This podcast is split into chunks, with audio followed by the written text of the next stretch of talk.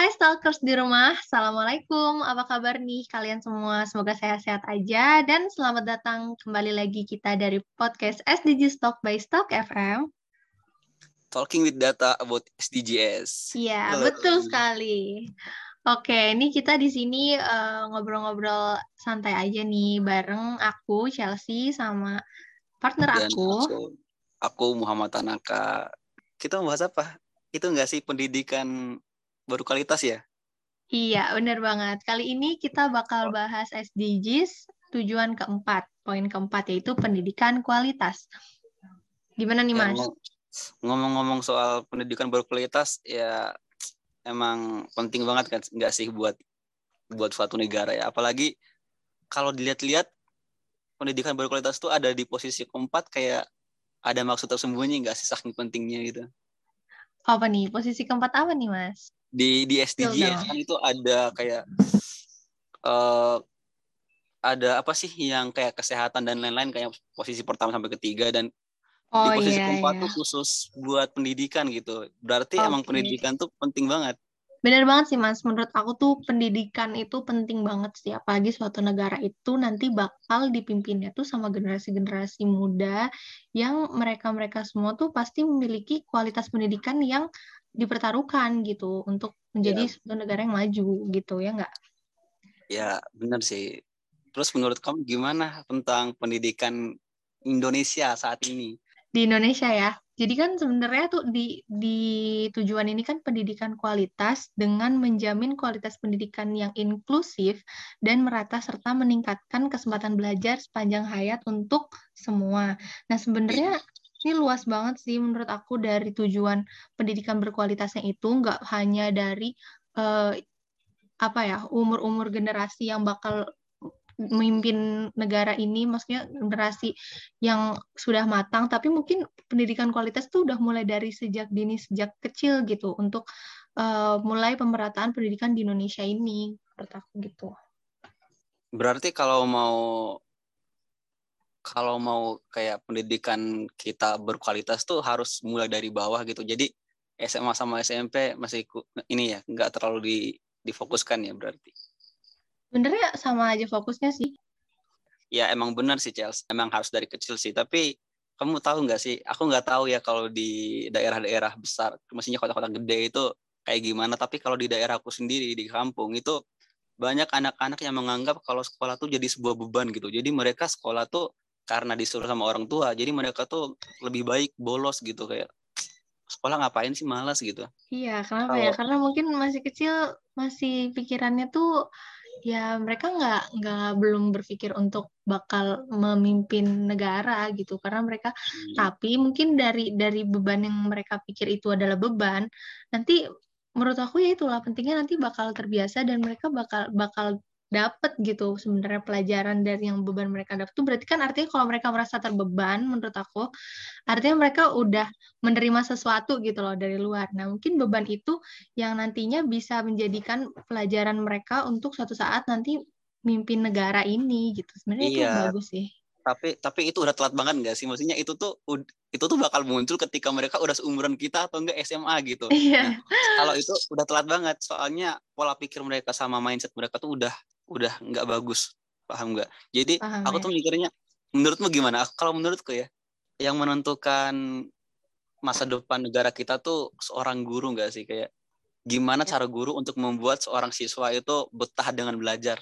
Benar, benar, benar. Iya, itu juga ngaruh sih ke pembawaan atau penerimaan siswanya itu sendiri ya dari yang disampaikan sama gurunya. Maka itu sih, maka dari itu sih pendidikan kualitasnya itu tuh penting sih yang diterima sama generasi generasi yang akan memimpin negara ini gitu.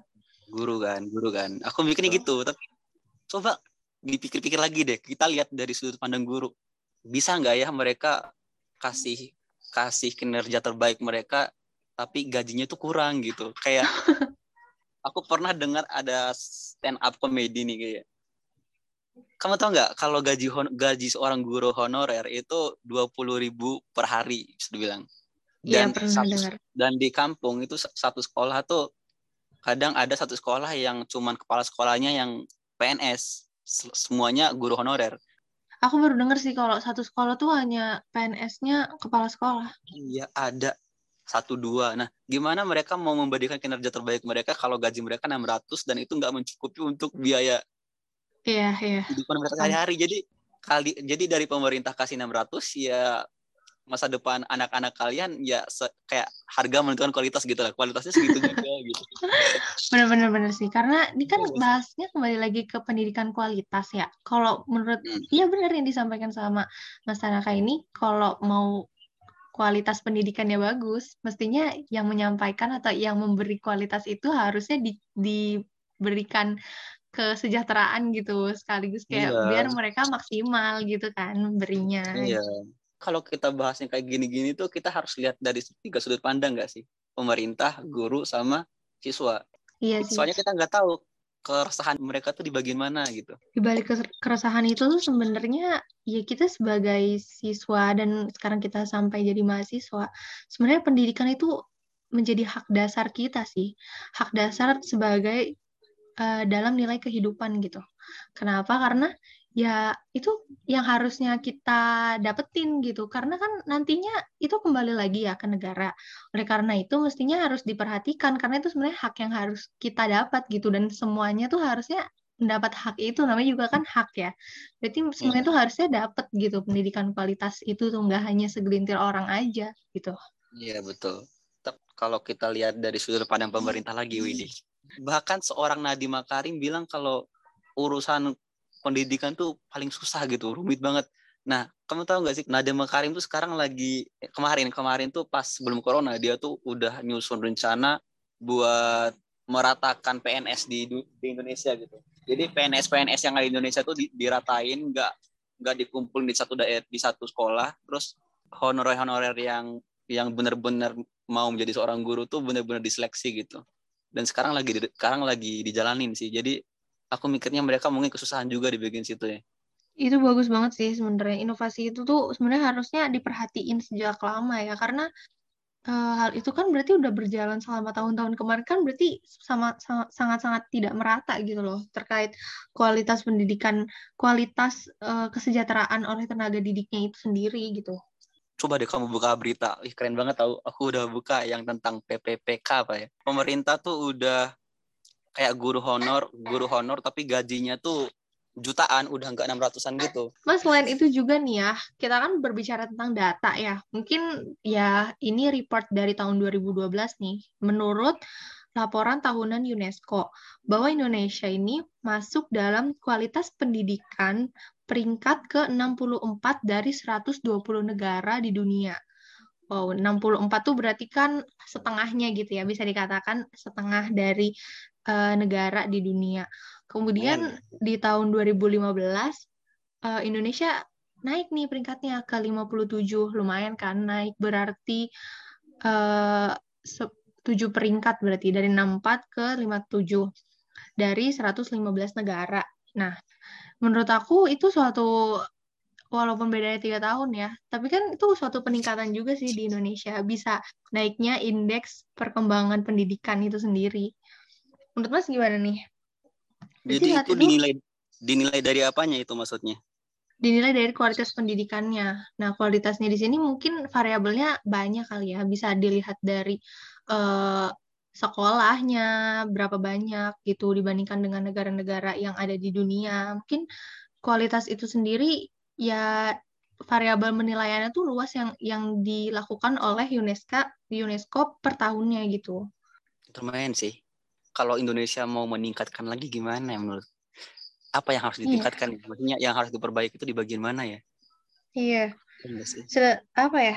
Mungkin sebenarnya bisa sih belajar dari negara-negara tetangga ya. Contohnya nih eh, salah satu negara tetangga di ASEAN itu ada Malaysia. Malaysia tuh eh, masuk ke peringkat 62. Ya meskipun masih di bawah Indonesia sedikit ya. Dan Singapura itu masuk ke peringkat 11. Wow, ini Singapura berarti jauh banget nggak sih Mas? Padahal tuh tetangga banget tuh sama kita tuh. Baru baru Mungkin juga eh, mungkin itu baru deh, bisa enggak sih jadiin apa ya? Jadiin Referensi ya? acuan, mm-mm, koreksi sih. Belajar gitu ya dari negara tetangga kita gitu. Tapi kayaknya nggak semudah itu deh, ya nggak sih? Soalnya kalau gampang nirunya pasti semua negara tuh bakal berkembang semua. Iya benar. Tetap kembali ke tetap ke populasinya, tetap ke kembali ke wilayahnya kita tuh nggak bisa disamakan sih sama setiap negara tuh. Ini sih Chelsea apa ya kayak kepribadian kita sih yang harus diubah kayak mindset mindset. Kasih. Dari kita dulu ya berarti. Iya, kayak paham gak sih? Kita Indonesia tuh di Indonesia tuh ya, aku bukan yang ngejek negara sendiri, tapi ya ini kebenarannya kayak misalnya kita mau nanya nih, misalkan dosen atau guru menjelaskan, terus kita nanya, kalau kita nanya tuh kadang ada reaksi-reaksi negatif dari teman atau dari dari dari guru itu sendiri gitu. Tahu nggak sih? Kadang diketawain aku pernah tahu aku kan orangnya kalau nggak tahu nanya gitu kan. Kadang bagus, ada yang bilang itu aja kok nanya gitu.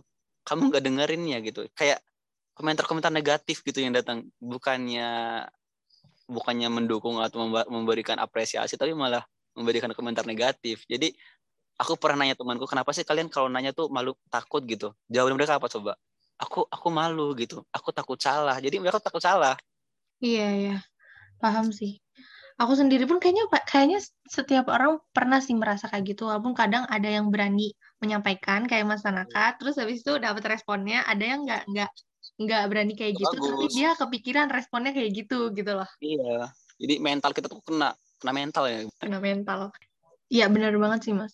Kadang uh, kualitas itu tuh banyak sih faktornya. Kayak kayak kita pelajarin aja ya. Semua tuh nggak hanya dari internal sih kualitas itu. Bisa dari eksternal itu termasuk dari penyampaian dari pengajarnya seperti itu. Kan ada siswa yang bisa menerima ada yang tidak. Mungkin ada yang bisa jadiin itu pelajaran ada yang bisa jadinya takut untuk tanya lagi. Itu sih yang penting harus ditingkatkan lagi untuk kepekaan dari pengajarnya itu supaya masuk gitu semua negara mengalami krisis pendidikan gara-gara corona.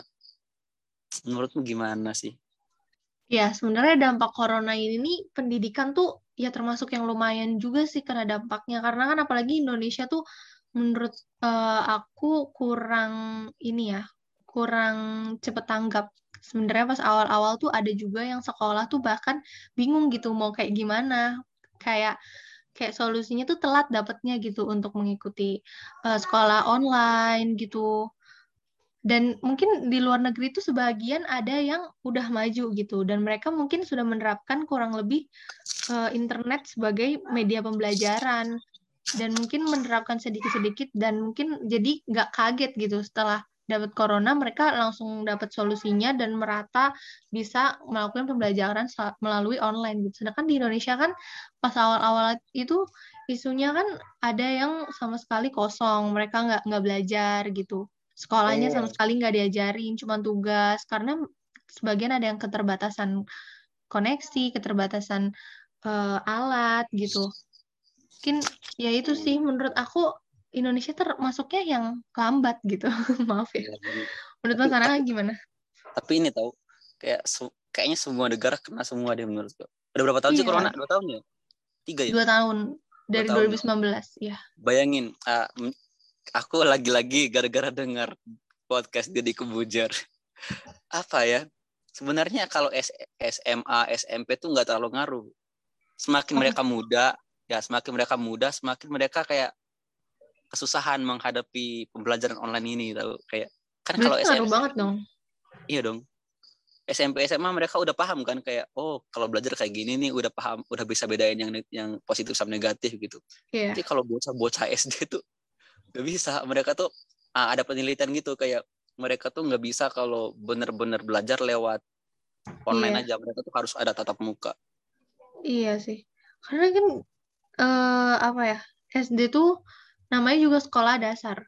Dasar tuh sebenarnya kalau misalkan diterapkannya melalui kayak online. ada terbatas hmm, online kayak gini, susah sih masuknya. Apalagi mereka tuh masih ke yang apa ya? Uh, masih yang berkembang gitu, masih belum bisa kadang membedakan hal hal yang dasar dan di situ hmm. perlu diajarkan kalau langsung hmm. itu kan mungkin bisa lebih keterimanya itu dapat gitu loh. Iya sih berat juga sih. Sebenarnya nggak SD aja sih, SMP juga termasuk adik aku tuh. Iya. kalau misalkan nggak diajarkan sama guru, apalagi kan peralihannya kalau SMP ke SMA gitu ya. Kadang pelajaran SMP ada di SMA gitu.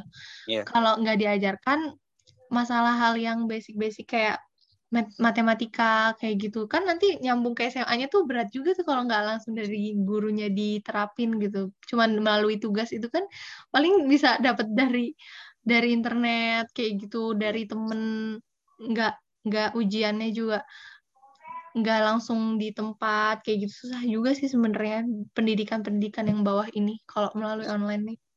Adikmu gimana cara ngatasinnya biasanya? Gimana?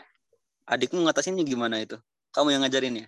Iya, jadi jadi pas dulu balik dari uh, corona itu kan ada sebagian yang mungkin tetap di kosan di kampus. Nah, aku kebetulan balik. Jadi kita yang di rumah ikut ngajarin, ikut ngerjain tugas, ngebantu gitu untungnya kan punya kakak gitu nah iya, kalau misalkan ya? nggak ada, ya? ada yang bantuin kayak gitu kan kasihan juga gitu iya kasihan juga ya iya oh ya nih mas itu juga di poin keempat ini punya tujuh hmm. target gitu nah tujuh target poin ini dari poin 4.1 sampai 4.7 dan di poin yang menarik ini di poin 4.5 sih Mas. Yaitu mereka tuh ada tujuan ada target di tahun 2030 itu bakal menghilangkan disparitas gender dalam pendidikan dan menjamin akses yang sama untuk tingkat pendidikan dan pelatihan kejuruan bagi masyarakat rentan termasuk penyandang cacat, masyarakat penduduk asli, dan anak-anak dalam rentang kondisi.